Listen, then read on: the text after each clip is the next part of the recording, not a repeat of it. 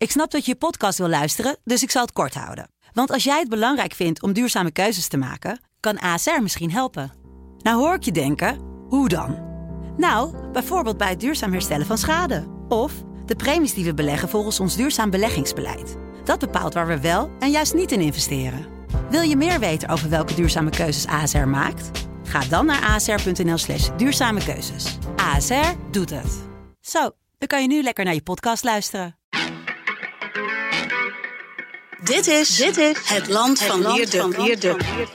Dat zorgt er wel voor uh, kippenvel, moet ik zeggen hoor. Dat uh, is echt heel heftig om te zien. Een podcast van de Telegraaf met analyses op het nieuws die u elders niet hoort. Ga jij nou zo boven een pan met heet water en een, en een schep honing uh, hangen? Theedoek op ja, je even hoofd? stomen en, uh, stomen en testen, ja. die Poetin is een maffiabaas, die verdedigt zijn villa's en zijn, en zijn jachten en zo. Dat is zo. Met Wierduk en Robert Ophorst. Hoe gaat het met je, Wiert? Hoe voel je je? Nou, volgens mij heb ik griep. En, uh, of hooikoorts. Of omicron, maar ik moet nog testen. Dus uh, gisteren was ik uh, negatief. Of eergisteren ook. Of alle drie? Dus, of alle drie, ja, dat zou helemaal fijn. Dan moet ik dan een hele flinke booster gaan halen bij de GGD. Ja, we zitten, we zitten officieel met een griep. In een griepgolf, begreep ik ook uit onze krant. Nou, dan uh, kennelijk zit ik daar ook in, want zo voelt het wel. Ja, nou jij zit ook uh, thuis om die reden. Dus we doen het ja. met alle moderne technische middelen die we voorhanden hebben. Dus dat, dat moet gewoon helemaal goed komen. Precies. maar als mensen jou horen kuchen, snotteren en, en, en, en af en toe een, een kreet van algehele malaise slaken, dan weten, ze, dan weten ze hoe dat komt. Gefeliciteerd, Wiert. Uh, waarmee dan?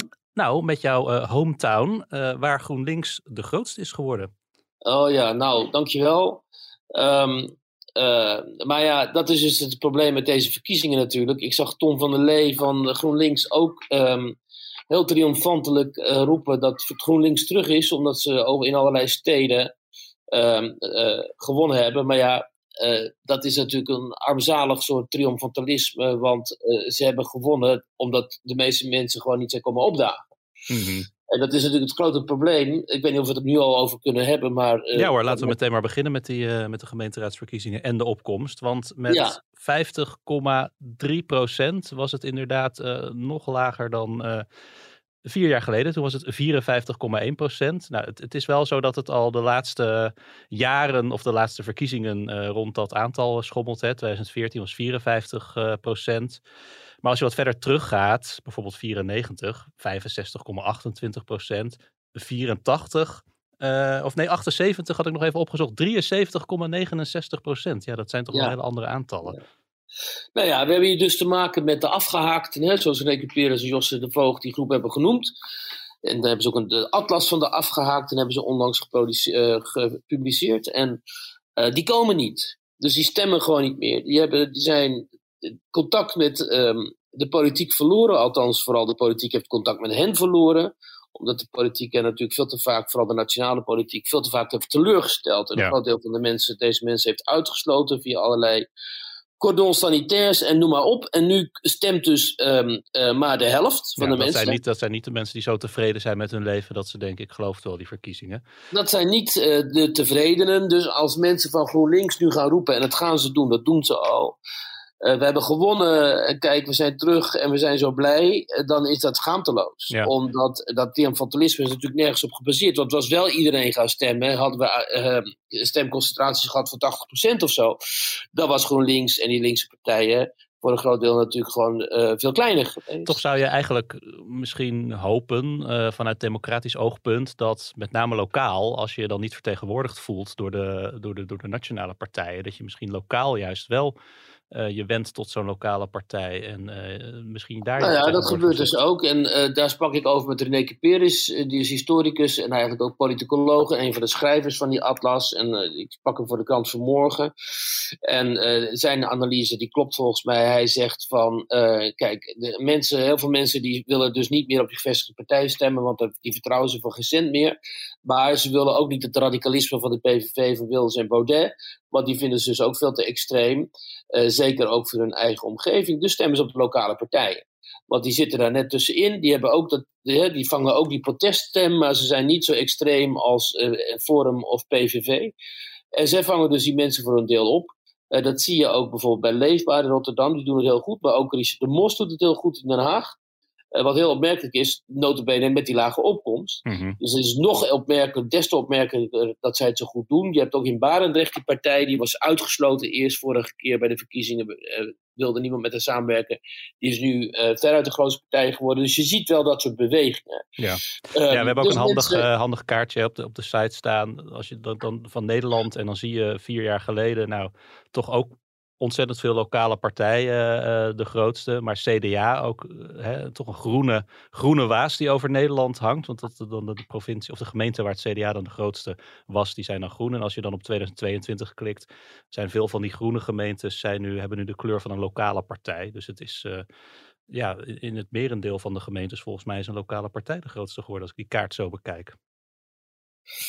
Uh, nou ja, het CDA heeft natuurlijk ook uh, gewoon heel slecht gedaan. Uh, hè, en je ziet bijvoorbeeld waar Omtzigt destijds, toen hij nog bij het CDA zat, gewoon een achterban had daar in het oosten. En die, die is het CDA nu ook kwijtgeraakt, omdat ze Omtzigt hebben gedumpt.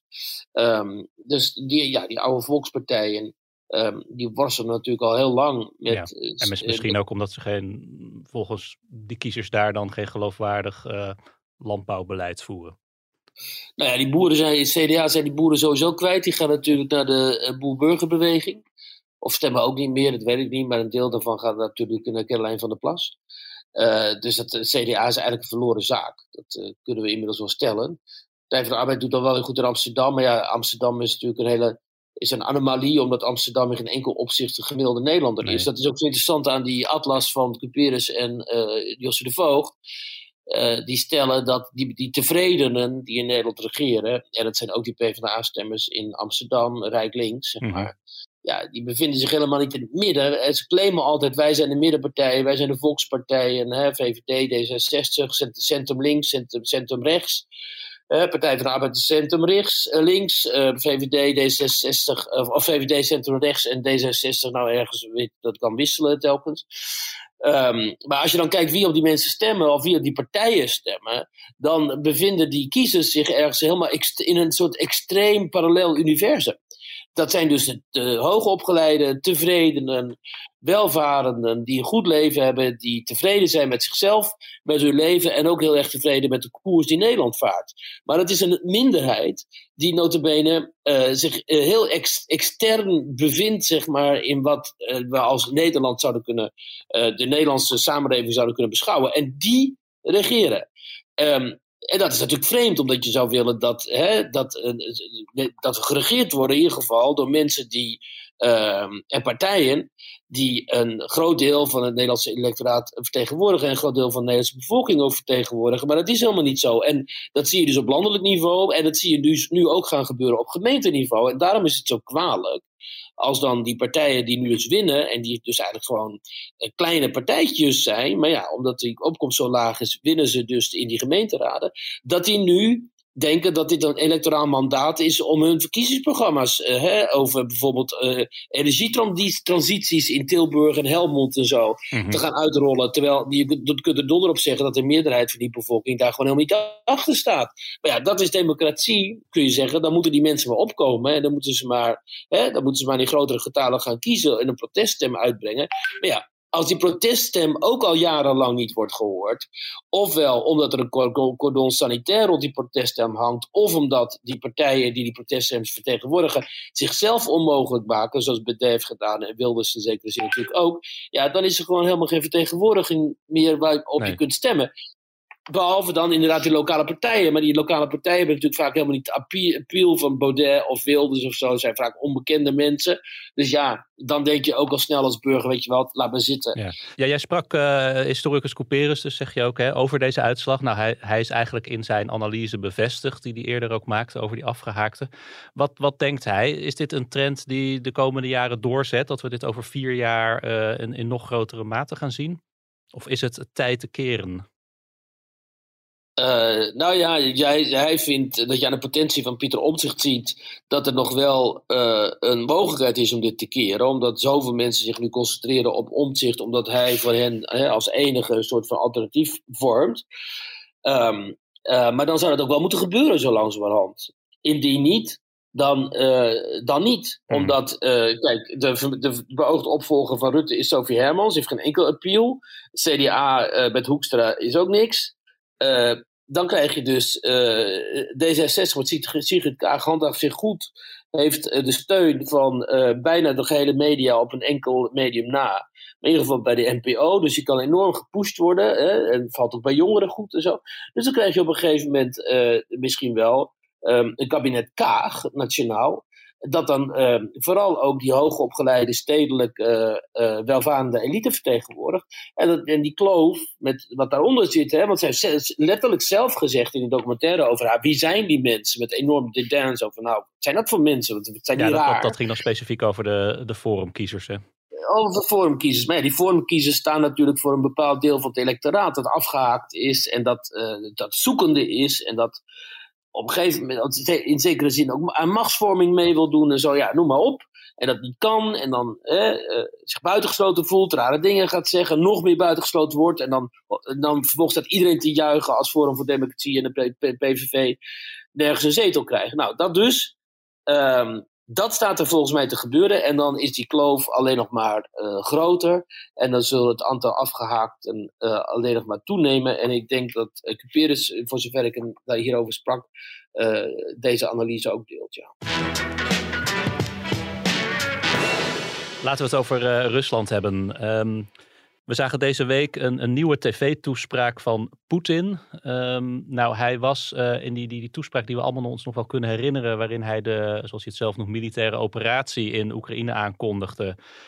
Toen zagen we een ontzettend getergde Poetin, uh, bozig, uh, onderuitgezakt in zijn stoel. Nou, wie denkt dat na drie weken oorlog die, die iets, iets vrolijker gestemd is, die kwam bedrogen uit. Wat opviel aan die toespraak, misschien met name, was een, een, eigenlijk een onverholen dreigement wat hij daarin deed aan, uh, aan de eigen bevolking. А тем более российский народ всегда сможет от, отличить истинных патриотов от подонков и предателей и просто выплюнет их, как случайно залетевшую в рот мушку, выплюнет на панель.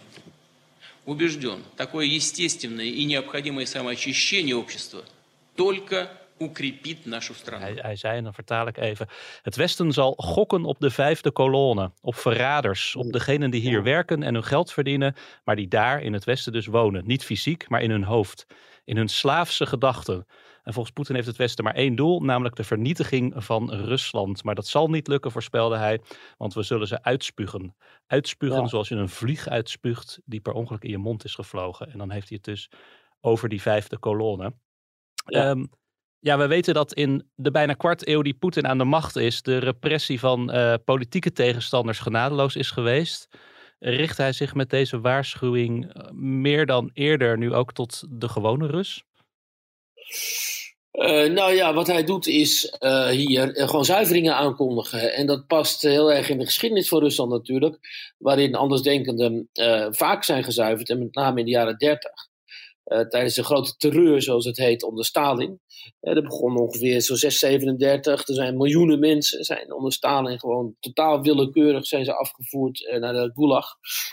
In strafkampen gezet en een enorm aantal is geëxecuteerd. Mm -hmm. um, en er werden, er werden telkens nieuwe zondebokken gevonden. Um, om maar te voldoen aan het quotum van, uh, uh, van, uh, zeg maar van andersdenkenden die uitgeschakeld moesten worden om die terreur te kunnen handhaven. En tot nog toe is Poetin daar nogal redelijk omzichtig in geweest. Hij heeft natuurlijk wel die alternatieve media uitgeschakeld en zo, maar tot de invasie in, in Kiev um, kun je zeggen van nou ja, hij is een autocraat en um, er bestaat nog wel een zekere vorm van onafhankelijke media en zo. Maar dat is uh, vervolgens na die invasie is dat al uh, onmiddellijk um, teniet gedaan. Dus die alternatieve media die zijn uh, de mond gesnoerd voor zover die er nog waren. En nu Um, en het was het onheilspellende aan deze toespraak. Kondigt hij dus aan dat mensen die hij beschouwt tot de vijfde kolonne. en het hoeven niet per se de oligarchen te zijn die rijk zijn en nee, welvarend en met hun dit, huizen. Dit is eigenlijk in... iedereen die bij zichzelf denkt: van nou, dit, dit levensstijl in het Westen. dat spreekt mij eigenlijk ook wel aan.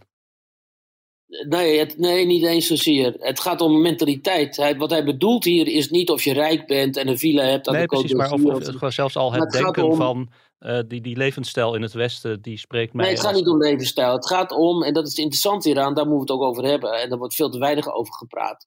Het gaat erom dat Poetin al vanaf al twintig jaar bezig is om zijn ideologie over wat Rusland is en wat Rusland moet zijn, een groot Rusland. En, wat, en de, de conservatieve ideologie die hij uitdraagt en die hij ook mede geformuleerd heeft, notabene zelf in zijn teksten en zo, dat hij vindt dat dat door de, de Russische bevolking ook gedragen moet worden. En dat mm. Mensen die zich conformeren aan meer liberaal gedachtegoed, dus het gaat hier om denken. Het gaat hier niet zozeer om welvaart of rijkdom of villa's en, en privéjets en zo. Het gaat hier om hoe denk jij? Denk jij dat het, liberalisme en het, en, het, en het democratisch denken, dat dat een geschikte politieke orde is voor Rusland? Of ga je mee in Poetins denken dat een, uh, een min of meer religieuze, orthodoxe, conservatieve autocratie met één man aan het hoofd, namelijk hem, althans op dit moment, uh, uh, die ambities heeft voor een groot Russisch Rijk, waar ook Oekraïne deel van uitmaakt, en die juist een tegenwicht moet vormen tegen dat decadente, geperverteerde liberale Westen, ondersteun je dat, dan ben je in, in zijn ogen oké. en dan mag je villa's hebben en privéjets en dan mag je oligarch zijn en zo. Maakt niet uit als je maar dat idee steunt. Kijk, die, die patriarch van de uh, orthodoxe uh, uh, kerk, Russische kerk, die is ook schatrijk. Die draagt ook horloges voor 80.000 euro en zo, weet je wel. Dus dat kan in, die, in dat denken kan het allemaal samengaan. Je hoeft niet per se een soort kluizenaar of een soort nee. stoïcijnse, wat ben ik van wat te zijn, om om dit gedachtegoed uh, te delen. Het gaat erom dat je dit gedachtegoed accepteert en ook politiek zeg maar uitdraagt. Hè? Um, dus hij zal iemand als die uh, tv-presentator die Kiseljov, die al ettelijke keren heeft gedreigd met dat uh, Rusland, als het wil, het Westen tot as kan verpulveren met zijn nucleaire macht. Um, die zal hij in orde vinden. Ook al heeft die man drie villa's, meen ik, in Italië, waar inmiddels beslag op is gelegd vanwege de sancties. Of het zijn er twee. Uh, en een, een, een, uh, veel armere, gewoon Moscovitische uh, academica met een hongerloontje, die toevallig liberaal en democratisch is, die zal hij naar de gevangenis sturen. Omdat zij, deze vrouw, en dat, dat, daar zijn er een heel aantal van in die stedelijke elites daar in, in Rusland, hooggestudeerde, hoogopgeleide Ehm, mensen die het beste met Rusland en met de wereld voor hebben en die gewoon democratisch zijn, hè, zo'n liberaal-democratisch gedachtegoed aanhangen, die ziet hij als de vijand. En, uh, en deze mensen moeten nu, zich nu enorm zorgen gaan maken, omdat uh, de verbeterheid waarmee hij dat zei en waarmee hij die zuiveringen van niet-patriotten uh, aankondigde, ja, dat, dat doet toch wel, als je hè, met de, de, de grote terreur onder Stalin in de ogenschouw neemt, ja, dat doet toch wel echt, dat zorgt toch wel voor kippenvel, moet ik zeggen. Hoor. Dat, uh, is echt heel heftig om te zien. Nou, heb ik altijd een beetje geleerd van ja, je gaat eigenlijk pas dreigen als je zelf bang bent. Laat deze toespraak ook zien dat Poetin er toch niet helemaal gerust op is dat de overgrote meerderheid van de Russen zich uh, achter hem blijft scharen. Ja, dat denk ik wel. Omdat hè, die militaire operatie, alles wijst er toch wel op dat het gewoon echt helemaal niet goed gaat. Uh, die Oekraïners die, die hebben zich. Dat is ook de ironie hiervan. Hè. Poetin heeft net gezegd: Oekraïne is helemaal geen land, het is geen natie, het zijn eigenlijk gewoon Russen met een raar accent. En Oekraïne behoort gewoon tot Rusland, is deel van Rusland. En die mensen die zeggen dat Oekraïne een soort zelfstandig land zijn, ja, dat zijn gewoon lokale elites uh, die hè, voor het eigen gewin, eigen profijt gaan.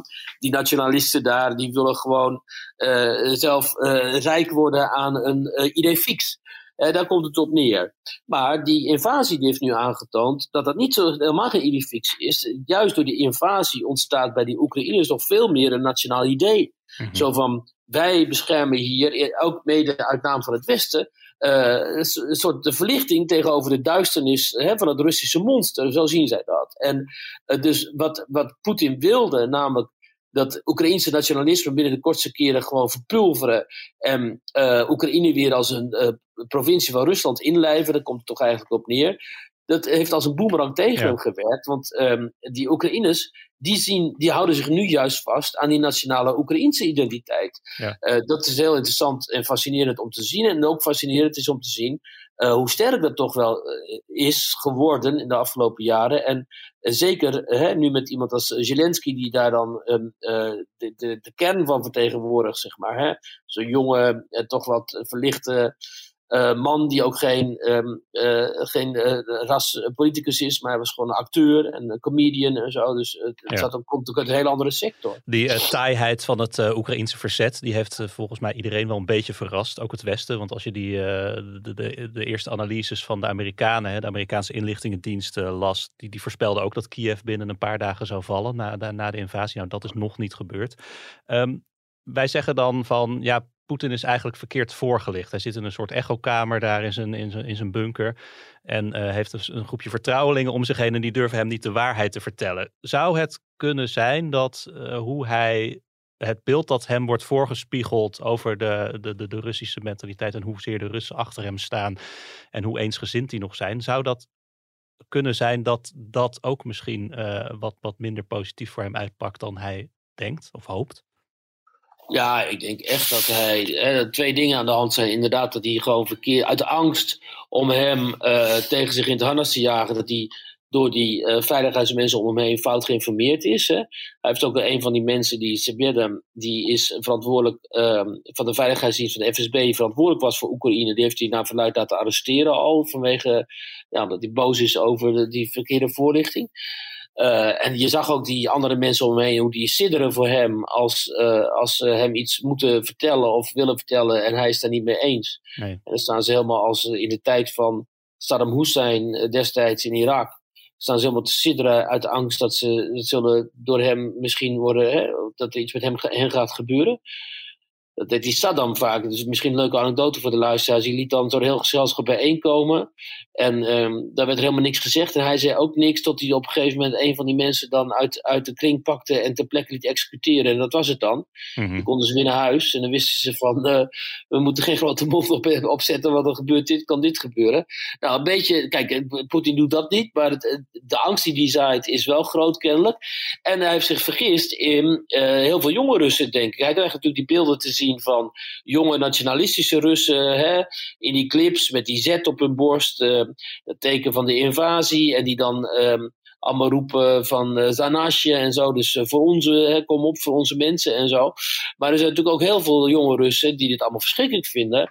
En die het hier helemaal niet mee eens zijn. En, en andere gewone, ook niet jonge Russen natuurlijk ook. En ik denk dat die zich toch daar wel in vergist. Misschien dat hij nog wel een meerderheid heeft in, onder de bevolking. Als er nu verkiezingen zouden worden gehouden, ook eerlijke verkiezingen, dat hij misschien nog wel zou winnen ook. Maar ik denk dat hij uh, onderschat hoezeer ook gewoon de Russen eigenlijk uh, dit helemaal niet willen. En zeker niet een broederoorlog met uh, Oekraïners.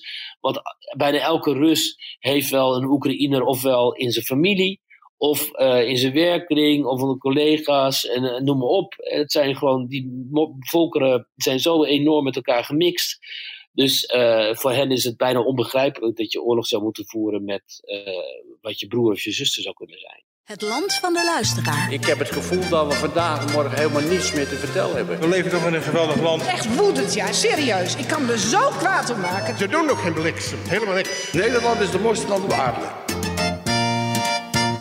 Ja, zit je te luisteren en denk je, ik heb, uh, ik heb een vraag, een inbreng, uh, kritiek, een opmerking, dat mag allemaal. Uh, daarvoor kun je hier terecht in deze rubriek. Tamme Huytema, die stuurde ons een, een mailtje. Hij zegt, ik heb een vraag aan Wiert. Beatrice de Graaf had, had het in op 1 van 4 maart over de ideële ambitie van Poetin. Een 21e eeuwse variant op het grote heilige Russische Rijk uit de 19e eeuw. Met de Russisch-Orthodoxe Kerk als bindende factor en Poetin als de redder en hoeder van de Russische ziel. Nou, daar hebben we het hier uh, eerder ook wel over gehad. Ja. Uh, Tamme schrijft, hiermee lijkt een conservatief, religieus, nationalistische identiteit te ontstaan die mensen kunnen aannemen, maar die eigenlijk ook nogal gekunsteld, achterhaald of bijna romantisch klinkt. Bij onder andere jongeren in Rusland zie je die tendens ook, alsof er behoefte aan is. Denkt Poetin conservatief, religieus, nationalistisch of is het een imago-kwestie en maakt hij alleen gebruik van deze sentimenten, zodat mensen een diepere band krijgen met hem? Wat denk jij? Nou ja, hij instrumentaliseert uh, die, dat natuurlijk ook, dat denken. Uh, maar het is ontegenzeggelijk zo dat Poetin zich de afgelopen twintig jaar uh, enorm met dit probleem heeft beziggehouden. Al in 1999 schreef hij een brief voor het nieuwe millennium, waarin hij formuleerde um, hoe in zijn ogen Rusland um, eruit zou moeten zien. Althans, wat het idee voor Rusland zou moeten zijn. Hè? Mm -hmm. um, En toen had hij al in zijn werkkamer had hij portretten hangen van Peter de Grote, Katrine de Grote, Alexander II. Dus hij, hij, hij ging al terug op die tsaristische periode. Maar ja, hij kon in, dat, in die boodschap van het millennium kon er natuurlijk niet die, die Sovjetperiode ook uh, ontzien. Want die maakt nu helemaal 70 jaar deel uit van Rusland. Dus wat hij deed was. Hij ging allerlei noties uit zowel die Sovjetperiode als die van denkers uit die tsaristische tijd met elkaar combineren. En met als centraal punt dan uh, eenheid, hè, eenheid van staat, maar ook van het volk. En daarin dat zie je dus gisteren weer terugkeren in die, in die reden die hij had, hield over de vijfde kolonne. Mm iedereen, zeg maar, die zich keert tegen de staat en die de ideologie van de staat uh, uitdaagt, is een verrader. Dat is niet, hè? Dus ze denken helemaal niet democratisch. Ze denken niet, je bent een criticus. Nee, je bent een verrader, omdat de, de staat vertegenwoordigt, hoe dan ook, dat um, wat goed is voor het volk. En wat hij ook schreef is, telkens als het Russische volk verdeeld is, ik lees nu even voor uit mijn eigen boek, telkens als het Russische volk verdeeld is en uit het oog verliest welke waarde het verbindt, leidt de staat. Het belang van de staat staat boven alles. De staat is een metafysische entiteit waarmee. En wij dus, kijk, wij staan, wij denken in het Westen, de staat staat in dienst van de burger. Maar in Rusland staat de burger in dienst van de staat. De burger bestaat helemaal niet. Het is mhm. gewoon het, het, individu eigenlijk ook niet. De mensen, zeg maar, de massa staat in dienst eh, van de staat. En daarmee, ik ga nog even verder, want dit vind ik wel interessant en misschien vinden luisteraars het ook wel interessant. Ehm, eh, Poetin is een gosudarstvenik. De gosudarstva is de staat en hij is dus eh, iemand die pleit voor die sterke staat die in de samenleving een, een dominante rol speelt. En daarom heeft het ook over moeder Rusland. Hè. Er is niets, niets belangrijker zeg maar, in de ogen van deze mensen voor de Russen om moeder Rusland uh, te dienen. En daarmee dien je ook een aantal waarden die dus uh, contrair zijn aan westerse waarden. Namelijk wat je daar dient te dienen is patriotisme, collectivisme, solidariteit en derjavnost. De derjave is grootmacht. Dus ook derjavnost is dat je dus het grootmachtsdenken van Rusland onderschrijft en dat ook uitdraagt. En dat is de kern van die uh, Russische idee. En daarbij komt dan, en dat vind ik heel interessant ook, dat um, religieuze aspect. Namelijk dat in het, zeg maar, in het um, uitrollen van dat traditioneel conservatieve denken en die traditionele uh, waarden speelt de orthodox uh, kerk een enorme rol, omdat Rusland uh, per definitie als grootmacht de beschermheer is van de orthodox-Slavische wereld. En die hele orthodox-Slavische wereld die strekt zich uit in Europa, maar ook in Azië. Dus uh, niet alleen in Europa, maar ook in Azië. En daarmee is Rusland van, van per definitie een Eurasiatisch land. Daarom hebben we het ook altijd over Poetins uh, Eurasianisme. Nou, en voor deze hele ideologie heeft hij een aantal Russische denkers uit de kast getrokken, vooral Ivan Ilyin. Maar ook uh, Lev Gumilyov bijvoorbeeld over het Eurasianisme. En ook um, Alexander Dugin dat is dan een soort fascistische Eurasianist van onze tijd. En al die mensen die heeft die, um, Nikola uh, Trubetskoy heb je ook nog. En al die mensen heeft hij een soort van met elkaar in, in, in, verband gebracht. En daaruit een, een enorm fascinerend uh, ideologisch raamwerk opgebouwd. En dat is hij nu aan het verdedigen. Dat snappen mensen vaak helemaal niet. Die denken die Poetin is een maffiabaas, die verdedigt zijn villa's en zijn, en zijn jachten en zo. Dat is zo. Maar deze hele denkwereld is hij aan het verdedigen. En als laatste dan. En als je daar kritiek op hebt, dan treedt punt 1 in werking, wat ik hier meldde. Dan ben jij hoe dan ook een verrader van de staat. Daarom is het ook zo interessant wat Poetin heeft gedaan met al die NGO's en zo. Hè? Die, uh, die daar actief waren in Rusland en die dan de mensenrechten schendingen aan de, aan de kaak gingen stellen. En andere soort burgerrechtsschendingen en zo. Dat zijn per definitie vijanden van het Russische volk. En ook per definitie agenten van het buitenland, dus westerse agenten, omdat als zij de Russische staat en de Russische idee zouden dienen, zouden ze niet bestaan. Snap je? Hmm. Dus hun bestaan is op zichzelf al een teken dat ze westerse agenten zijn. Zo worden ze ook inmiddels um, uh, ingekaderd als inagenten, dus als uh, buitenlandse agenten. En um, ja, dat is natuurlijk heel ingewikkeld om dit type denken te begrijpen, maar het is wel voorwaarde om te begrijpen wat Poetin mee ja. bezig is. Maar Tamme die schrijft of die, die constateert, maar misschien vraagt hij zich ook een vraag aan jou: van is er dan ook echt, is die behoefte er ook echt onder jongeren? Uh, nou, onder een deel van de jongeren wel. En er is sowieso een behoefte altijd overal ter wereld aan identiteit. Ik bedoel, niets is op dit moment zo sterk ook in het Westen als identiteitspolitiek. Mm als je zwart bent, dan identificeer je met de zwarte beweging. Als je uh, uh, blank en rechts bent, dan ga je heel snel richting uh, Baudet en zo. Dus identiteitspolitiek is overal. En er is grote behoefte aan kennelijk, ook bij jongeren. En ook onder Russische jongeren is natuurlijk behoefte aan een gevoel van identiteit. en, en in zekere zin geeft Poetin hen dat ook. vooral ook omdat zij dat dan zien in contrast met wat zij zien vanuit het Westen, wat in hun ogen totaal decadent is, namelijk uh, het homohuwelijk of uh, transgenderisme of uh, abortus, hè, op, op ja. dat gelegaliseerd, hoewel in, in, Rusland ook gewoon abortus heel veel voorkomt hoor, maar goed. Maar het wordt dan ideologisch gebruikt om te laten zien, kijk, dat, de, dat Westen is totaal decadent en geperverteerd en wij zijn de verdedigers van het conservatieve, christelijke, nou, derde Rome eigenlijk, daar komt het op neer. Um, maar ja, ik bedoel, um, een deel van de jongeren is daar gevoelig voor. Maar een heel deel denkt natuurlijk van, joh, flikker op met je gekte. Ik wil gewoon een leuk leven leiden. En uh, wat moet ik met die uh, rare 19e eeuwse gedachten voor jou? Ja. Uh, dankjewel, Tamme Huytema, voor jouw mail. en zit ja, je te luisteren leuk. en denk je, ik wil ook een keer wat vragen. Dat kan podcast.telegraaf.nl. En wie weet horen we je dan terug in deze rubriek. Waar was Wiert? Ja, jij was in de achterhoek deze week, Wiert. Uh, maar we blijven wel, uh, ondanks dat we daar uh, even naartoe gaan, blijven we toch uh, ook in Oekraïne. Want er zijn inmiddels meer dan 3 miljoen Oekraïners hun land ontvlucht. Een paar duizend van hen is opgevangen in Nederland en dat gaan er nog heel veel meer worden.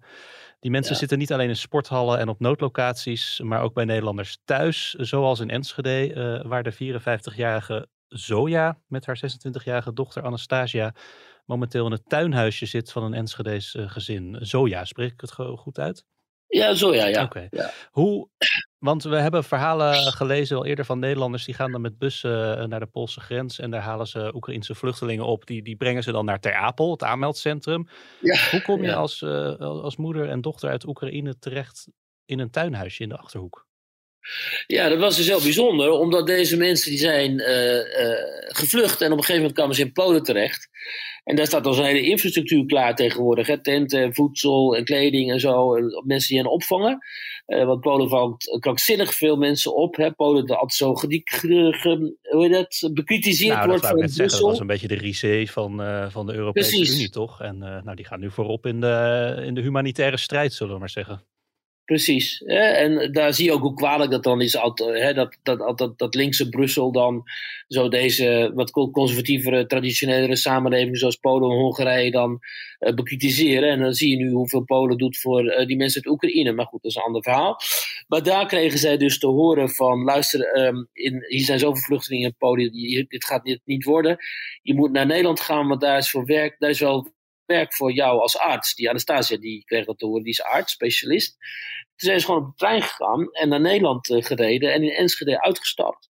En uh, daar stonden ze op het perron. En uh, we hadden geen idee, daar was helemaal geen opvang. Dus we hadden geen idee, ja. moeten we nu Maar waren doen? ze wel van plan om in Enschede uit te stappen? Of was dat toeval? Nou ja, dat is dan een van de eerste stations naar de, naar de grens natuurlijk. Ja, precies. Dus dan denk je, dan dus, stap ik hier maar uit. Ja, dus dan stap je, je daar maar eens uit. Nou, en toen we hoorden dus mensen daar die, hen, die naar hen luisterden, die hoorden dat ze Russisch spraken. En die konden toevallig zelf ook Russisch, die hadden Russische wortels kennelijk. En die hebben hen meegenomen en opgevangen en voor de nacht. Uh, maar die hadden zelf niet voldoende opvangruimte. En die zijn dan de volgende dag met um, een hulporganisatie gaan bellen. Dat is dan een, een Nu Twente, dat is uh, Nederland-Oekraïne.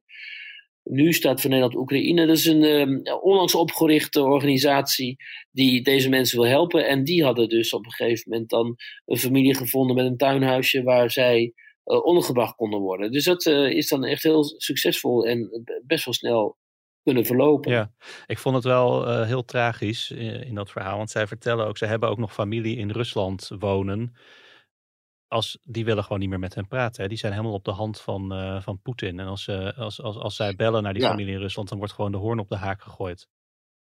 Ja, dat is echt vreselijk. En het, die, die verhalen hoor ik steeds uh, vaker, of steeds vaak, die hoor ik heel vaak. wat ik al eerder zei in deze podcast, er zijn natuurlijk enorm veel familiaire verbanden ook over en weer. Ehm, vroeger was er helemaal geen grens tussen Oekraïne en Rusland, weet je wel. Mensen vertrouwden onder elkaar en zo. En de familiebanden zijn nu inmiddels helemaal verstoord geraakt. Doordat heel veel Russen zijn gaan geloven in dat verhaal van die Russische propaganda. Dat er in Oekraïne allemaal naties wonen uh, die touwtjes in handen hebben. En dat de Russen bezig zijn om uh, met militair geweld dan Oekraïne te denazificeren. En ja, en zelfs binnen families praten mensen dan niet meer met elkaar. Er zijn ook zelfs huwelijken op stuk gelopen. En ja, dat is natuurlijk verschrikkelijk. Maar zo zie je maar weer hoe belangrijk vrije media ook zijn. En hoe belangrijk democratie is. Wat ik vroeg aan uh, Zoya, van ja, hoe zat het dan met de, de Oekraïnse berichtgeving en zo? Hè? Mm. Was hij dan niet heel erg uh, anti-Russisch, Russofoob, zoals de Russen dan zeggen? En werd er ook niet een heel frame op Rusland gelegd? Maar zij zei van nou nee, dat was helemaal niet zo. Uh, wij konden gewoon in Oekraïne toch wel gewoon een objectieve, uh, hebben toch een objectieve berichtgeving. En wat zij zag op de Russische tv, want die kon ze ontvangen, want ze woont daar in het zuiden van, van Oekraïne. Zei ze, ja, dat was gewoon verschrikkelijk. Wij zagen die propaganda en we begrepen dus ook wel in wat voor fuiken onze familie daar aan het lopen was. Ja, een ander gezin wat jij sprak is het gezin Veijer. Henro Veijer en, en zijn vrouw Sylvia. Die hebben twee kinderen, maar ze hebben de 34-jarige Daria en haar 7-jarige dochtertje uh, Milena uit Kiev in Milana, huis genomen. Ja. Sorry, wat? Uh, ja, Milana, oh, Milana ja. toch. Um, ja. Ik vind dat hartverwarmend, sowieso. Maar die Hanro die zegt ook van ja, wij snappen dat het misschien wel jaren gaat duren dat die mensen hier uh, moeten blijven. Of in dit geval Daria en haar dochtertje. En wij zijn ook bereid om hen, als het nodig is, jarenlang bij ons thuis op te vangen. Nou, ga er maar aan. Ja, dat vond ik ook wel opmerkelijk. ik, ik, heb dat niet in het verhaal gezet, maar hij, hij had het met zijn vrouw ook wel eens eerder over pleegkinderen gehad en zo. Dus uh, ze hebben kennelijk die behoefte om, uh, uh, om mensen op te vangen.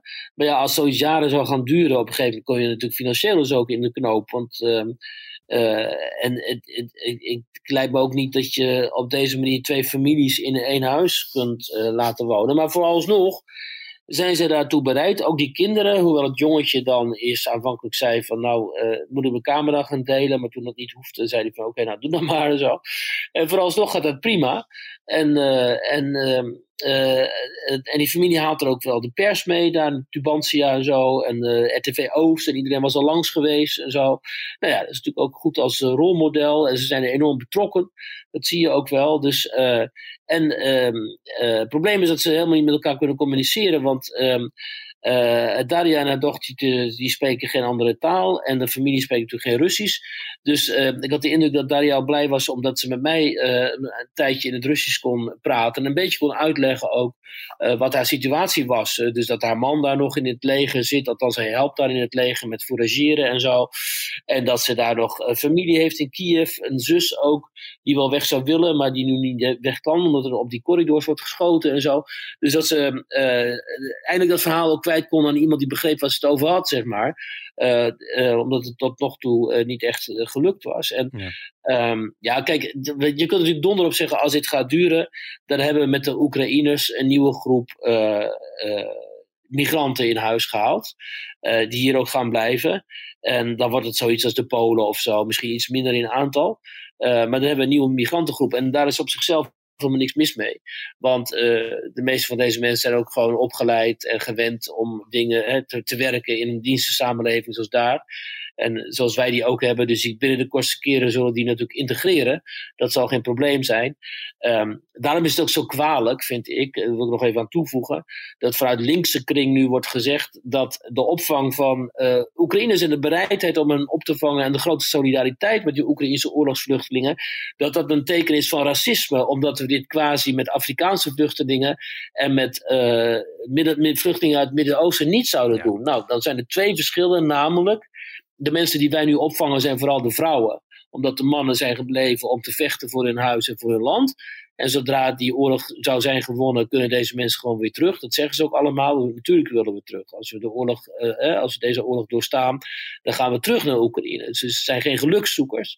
En, uh, uh, en ten tweede, dat is in het verlengde van het eerste, zijn deze mensen snel, veel sneller te integreren vanuit hun cultuur, Het is toch een Europees land, vanuit de religie. Het is wel zo'n orthodox land, maar een deel van West-Oekraïne is gewoon katholiek, Oekraïns katholiek. Dus het is veel meer in overeenstemming ook cultureel, religieus gezien met wat wij hier gewend zijn. Dus je krijgt niet een religieuze clash of zo. Die we met een deel van de islam natuurlijk wel hebben. Dus, uh, maar dat mag je allemaal niet zeggen, want dat is dan racistisch. Nee, ik kan net zeggen, als je uh, zo en, denkt, uh, is dat volgens dat soort mensen is dat juist een teken van racisme. Maar even, we stonden toch ja, in 2000... Maar wacht even, dat maar, in 2000, maar over, die, is, over die Syriërs, want in 2000... We hebben gewoon heel veel Syriërs ja, opgevangen. Er stonden, we, er stonden hier mensen met bloemen Syriërs te verwelkomen. Die zijn massaal dat wilde ik nog toevoegen, inderdaad. Het hele, hele frame dat wij Syriërs zouden willen opvangen, klopt helemaal niet. Want we hebben heel veel Syriërs zo opgevangen. Dus ondanks dat we ook wisten dat dat best tot cultureel religieuze problemen zou kunnen leiden, hebben we gewoon die mensen wel opgevangen. Dus het is gewoon een heel naar en gemeen frame wat gebruikt wordt om goedwillende mensen. Uh, in de hoek van bruin rechts te duwen. Ja. En dat is gewoon heel erg schofterig. En ja. uh, dat mag ook wel eens een keer gezegd worden. We zouden ook gewoon uh, even los van alle praktische problemen die dit nu al, waar dit nu al voor zorgt en die het komende jaar waarschijnlijk gaat zorgen. Hè, en de, de opvangcrisis waar we al in zaten. Maar zou je ook gewoon blij kunnen zijn uh, met de hartverwarmende manier waarop uh, deze mensen massaal hier worden, uh, worden opgevangen en verwelkomd door, door hele gewone Ja, en ik denk gezien die, het enorme... Die echt niet allemaal drie kamers over hebben thuis. Precies, en ik denk ook gezien hè, de problemen die we hebben bijvoorbeeld in de zorg, met mensen in de zorg en zo, dat er te weinig personeel is en zo, dat je als je jonge Oekraïners opvangt en je laat hen hè, leren voor zorgfuncties en zo, dat daar heel ja. veel aan zouden kunnen hebben. Over dat, over dat terugkeren, dat, de tijd moet dat leren. Um, het is natuurlijk wel zo dat de meeste mensen die vluchten voor oorlog zeggen we willen zo snel mogelijk weer terug. Maar dat dat in de praktijk toch altijd, uh, of dat vaak heel erg lastig blijkt. En uh, er ook vaak helemaal niet meer ja, komt om allerlei precies. redenen. Mensen wortelen ergens en dan krijgen ze een bestaan ergens en dan, uh, dan willen ze natuurlijk blijven. Dat is ook logisch. Wiert, we zijn er volgens mij weer doorheen. Volgens mij ook. Ga jij, ga jij, nou zo boven een, uh, een pan met heet water en een, een schep honing uh, hangen? Theedoek ja, je hoofd? even stomen en, uh, stomen en testen, ja. nou, ik hoop dat je, dat je je snel weer beter voelt. En ik dank jou voor deze week en tot snel.